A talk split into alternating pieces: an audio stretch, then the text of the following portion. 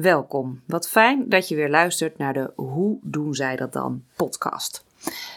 De afgelopen afleveringen heb ik jou mijn universele visie op balans gedeeld. En het leek me goed om die verder toe te lichten met een praktijkvoorbeeld. Met een coachie had ik een gesprek over deze theorie. En dat was in mijn ogen een heel mooi voorbeeld over dat balans er niet per se om gaat dat je leven één grote puinhoop hoeft te zijn, maar dat ook kleine issues continu om aandacht kunnen vragen en daardoor voor disbalans kunnen zorgen. En elke issue waar je mee speelt, die kost je energie en is het daarom waard om het te onderzoeken. In dit geval gaf de coachie ook aan van ja, ik ben gelukkig, eh, ik ben dankbaar voor het leven wat ik heb. Dus ja, om nou over disbalans te spreken. Maar continu was er toch iets achter in zijn hoofd wat maar de aandacht bleef vragen. En wat dat was, was het volgende. Deze man is opgegroeid in een buitengebied. En die heeft daar zelf hele goede herinneringen aan. Die speelde heel veel buiten. En nu nog, als die buiten in de natuur is, ervaart hij een enorme rust. Hij is daar heel erg voorstander van en gunt dat eigenlijk ook zijn eigen kinderen. Tegelijkertijd woont hij nu midden in de stad met zijn kinderen en sinds zijn kinderen geboren zijn wonen zij ook midden in de stad. En dat is iets wat bij hem continu voor onrust zorgt. Hij realiseert zich wat hij nu heeft en tegelijkertijd heeft hij last van het stemmetje in zijn hoofd van je zou toch eigenlijk moeten verhuizen naar het buitengebied. Je weet toch hoe fijn jouw jeugd is geweest, dat gun je toch ook je eigen kinderen. Bovendien word je er zelf ook gelukkig van, dus waarom zet je de stap niet? Heel vaak kijkt hij op Funda, ziet hij huizen, vindt hij interessant. Zelfs tot het echt bezichtigen van de huizen komt het meestal niet. En dan zijpelt het weer door. En hij vroeg me: hoe moet ik dit nou zien aan de hand van deze theorie? Hoe kan ik dan hier balans in krijgen? Wat we hebben gedaan is dat we eigenlijk per stap eerst gaan kijken van waar zit het nou eigenlijk precies? Waar zit het issue? Want zoals ik al eerder aangaf, betekent het niet dat je per se de stappen in chronologische volgorde hoeft te doorlopen. Dat doe ik nu wel even omdat dat de theorie is. Maar het issue kan op verschillende gebieden zitten. Dus als we beginnen bij de eerste stap, dat was de V van verlangen, dan is het de vraag of zijn verlangen groot genoeg is of dat het simpelweg een droom is. En, en, ik hoop dat je dat verschil begrijpt. Dromen mogen we altijd, is ook heerlijk, maar zit altijd een stukje bij waarvan we nou, weten of misschien bang zijn dat het waarschijnlijk niet uit zal komen. En het is goed om te weten dat deze persoon een uil is in de theorie die ik in de laatste podcastlevering heb gegeven. Uilen die zijn heel goed in wikken en wegen en ook heel goed in het rationeel bekijken. Dus wat deze persoon deed, was eigenlijk in zijn hoofd ook lijstjes maken van wat zijn de voordelen als, van het verhuizen naar het buitengebied en wat zijn de nadelen. En daar kwam continu eigenlijk een soort ja maar kwam daar achteraan. Want er waren buren die verhuisd waren en die buren hadden gezegd: ja, ja, we vinden het wel heel fijn, maar ja, we missen wel het contact met de buurt. Dat is wel heel erg anders. Dus dat was eigenlijk al een stukje weer terugtrekkend van: oeh, moet ik dan wel die beslissing maken? Het is ook goed om te weten dat die uil altijd naar perfectie streeft. Dus het uildeel kan, en dat zit in dit geval bij deze persoon, ook enigszins in de weg. Want als je het over verlangen hebt, dan kan je dat niet altijd rationeel zien. Dat willen we graag. Hè? We willen graag rationele en bewuste wezens zijn. Maar uiteindelijk gaat het om een gevoel. En als jouw verlangen echt heel erg groot is, dan ben je er bereid om er offers voor te doen. En dan kan je je zelfs afvragen of die offers ook daadwerkelijk offers zijn. En wat ik ermee bedoel is dat als deze persoon echt daadwerkelijk in het diepste van zijn zijn weet en voelt dat dit is wat hij moet gaan doen, dan is het feit dat hij misschien minder leuke buren gaat krijgen van ondergeschikt belang. Dus dan kan je heel veel lijstjes maken met plussen en minnen. Dan kan je er nog een gewicht aan, aan hangen welke je belangrijker vindt. Maar uiteindelijk gaat het over wat, wat voel je nou echt van binnen en hoe sterk is dat verlangen. Daarnaast is nog de vraag of het niet alleen iets is om op een andere manier tegen offers aan te kijken, maar of het ook en-en mogelijk is. Ik ben er namelijk van overtuigd dat als jij heel duidelijk weet wat je verlangt en wat je wilt, dat er steeds meer mogelijk is. Dus dat je ook op een creatieve manier gaat denken. Dat er dingen op je pad komen die je misschien eerder niet voor mogelijk had gehad. En wat ik bedoel met op een creatieve manier denken, dat als je echt zegt, ja, maar ik vind het stadse leven heel erg belangrijk met buren, maar ik wil ook in de natuur zijn. Voor deze persoon was het wellicht een optie, en dat hangt natuurlijk wel van je financiële situatie af, maar om in het weekend een natuurhuisje te hebben wat je ergens koopt en daar gaat leven. Dat is maar één van de mogelijkheden die er zijn. Dat je kan zeggen in het weekend hebben we het stadsleven en of in het, door de week hebben we het stadsleven en in het weekend zijn we in de natuur. Maar ook als je de financiële middelen niet hebt en heel duidelijk weet wat je wilt, weet ik zeker dat er dingen gebeuren waar je nog niet bij stil had gestaan. Je gaat kijken naar andere opties. Naar mensen die misschien een oppas voor hun huis zoeken. Hè? Mensen die een half jaar op vakantie gaan, waardoor je het dus kan gaan uitproberen. Of je het nou echt fijn vindt om in dat buitengebied te wonen. Dat over het stukje willen. En daarna zit er ook nog bij die eerste stap verlangen het stukje wat je nodig hebt. En dat is ook interessant. Want in dit geval was de vraag: heeft hij het nodig of hebben ze kinderen het nodig? Hij vindt dat hij het doet voor zijn kinderen. En dat is de vraag. Wat overigens niet erg is hoor, of je het wel voor jezelf doet of niet. Maar het is wel belangrijk om er onderscheid in te maken. Dat betekent namelijk niet dat stadse kinderen niet ook een ontzettende gelukkige jeugd kunnen hebben. Maar deze persoon had daar wel een oordeel over. Die vond namelijk dat zijn kinderen meer op digitale schermen zaten dan dat hij zou willen. De vraag is of dat als je in een buitengebied woont, of dat ook daadwerkelijk minder is. Want de tijd is natuurlijk ook veranderd ten opzichte van de jeugd van deze persoon. Daarna hebben we de tweede stap bekeken. De tweede stap gaat over aandacht.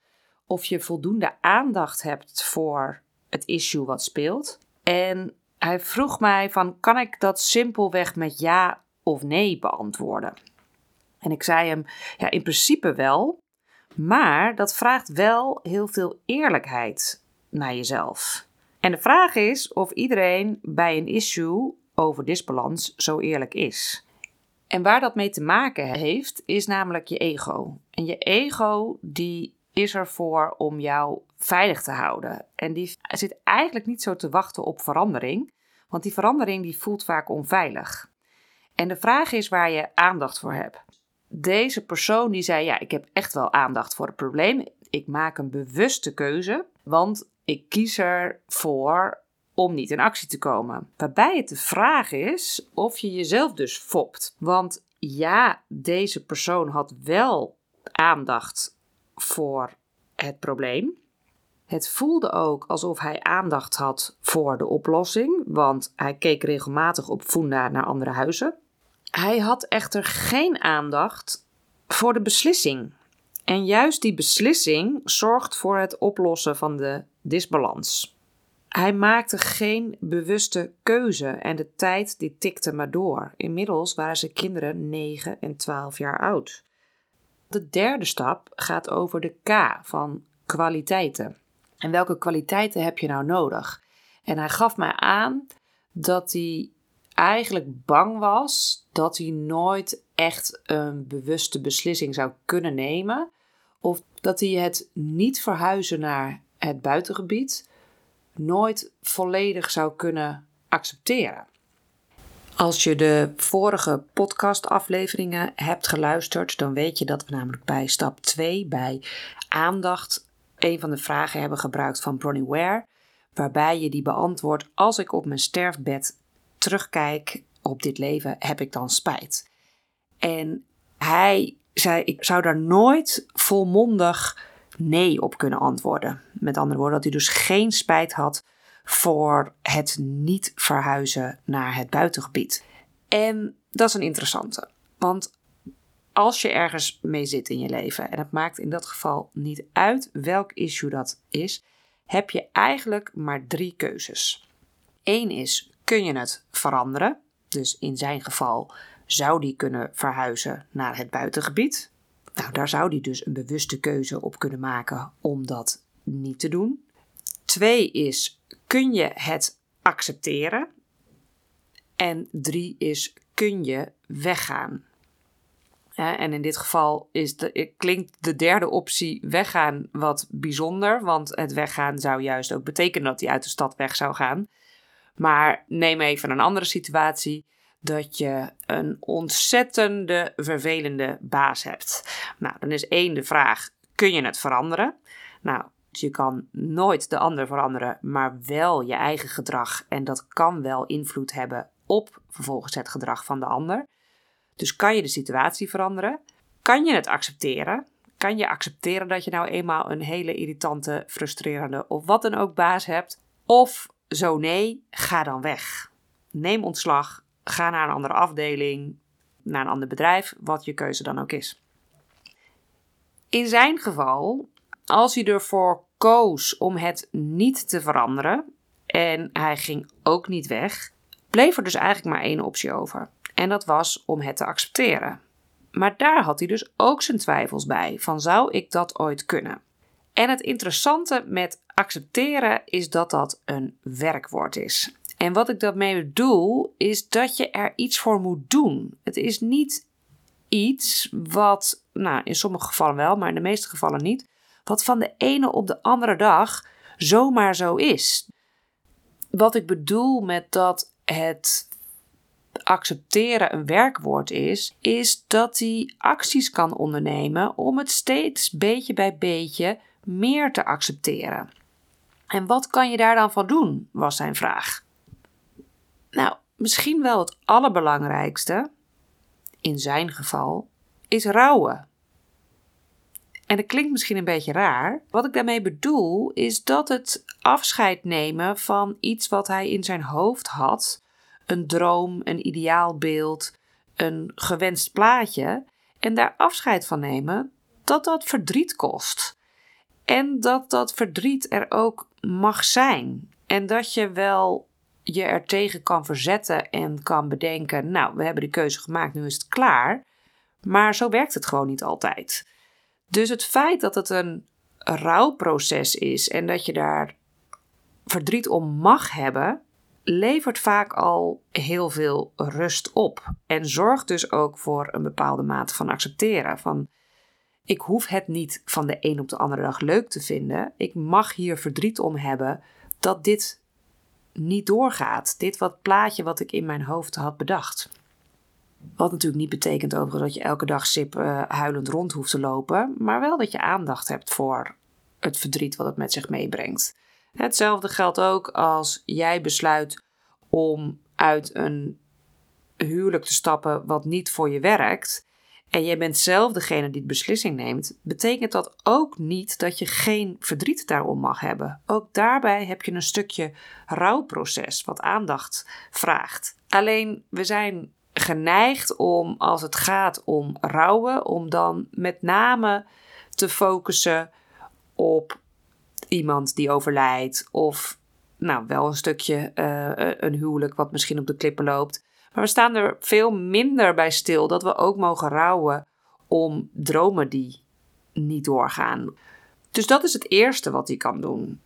Het tweede wat hij kan doen is zijn plezier wat hij beleeft aan het wonen in de stad vergroten. Wat ik daarmee bedoel is dat de mens komt in actie voor twee dingen in zijn leven. En de ene is het vermijden van pijn en het andere is het nastreven van plezier. Ik noem dat ook wel de pijn-plezierbalans. En dat betekent dat aan heel veel beslissingen in je leven zit er ook altijd een stukje wat je minder leuk vindt. Bijvoorbeeld iemand die laatst besloot om voor zichzelf te beginnen, had er superveel plezier in, keek daar enorm naar uit en vond het tegelijkertijd heel erg verdrietig om afscheid te nemen van collega's en om een stukje zekerheid op te zeggen. Dus aan de ene kant hebben we het plezier in de weegschaal en aan de andere kant de pijn. Dus de pijn van het gemis van collega's en het opzeggen van zekerheid. En in zijn geval is uiteraard ook die pijn-plezierbalans aan de orde. Hij hecht heel veel plezier aan het wonen in de stad, maar hij heeft pijn van het niet in het buitengebied zijn. Pijn van de droom die hij voor zijn kinderen had en de droom die hij voor zichzelf had. Dus je kan je enerzijds focussen op die pijn door te rouwen en die pijn te verkleinen, maar anderzijds ook focussen op het vergroten van het plezier. Dus hoe doe je dat? Nou, een van de dingen is om dankbaarheidsoefeningen te doen. Schrijf eens elke dag op aan het einde van de dag hoe dankbaar je bent voor het feit dat je in de stad leeft en wat dat, in, in zijn geval dat hij in de stad leeft, en wat dat hem allemaal oplevert.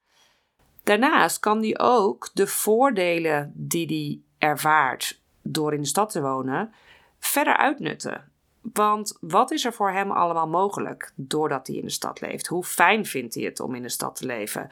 Om naar een restaurantje te gaan zonder daarvoor de auto te hoeven pakken, maar gewoon op de fiets te kunnen springen. In zijn geval zou hij een lijst kunnen maken van de dingen die hij het belangrijkste vindt of die, waar hij het meeste plezier aan hecht. En de eerste periode die dingen gewoon wat extra te gaan doen.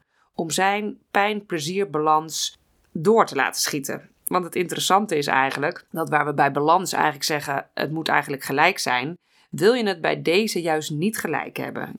Je wil namelijk dat het plezier super groot is, dus dat dat deel van de weegschaal helemaal naar beneden zakt, of omhoog, het is maar hoe je het bedenkt. En dat het pijndeel zo klein mogelijk is. Nou, en daar zijn dus diverse stappen, afhankelijk van je situatie, maar diverse stappen die je daarvoor kan zetten.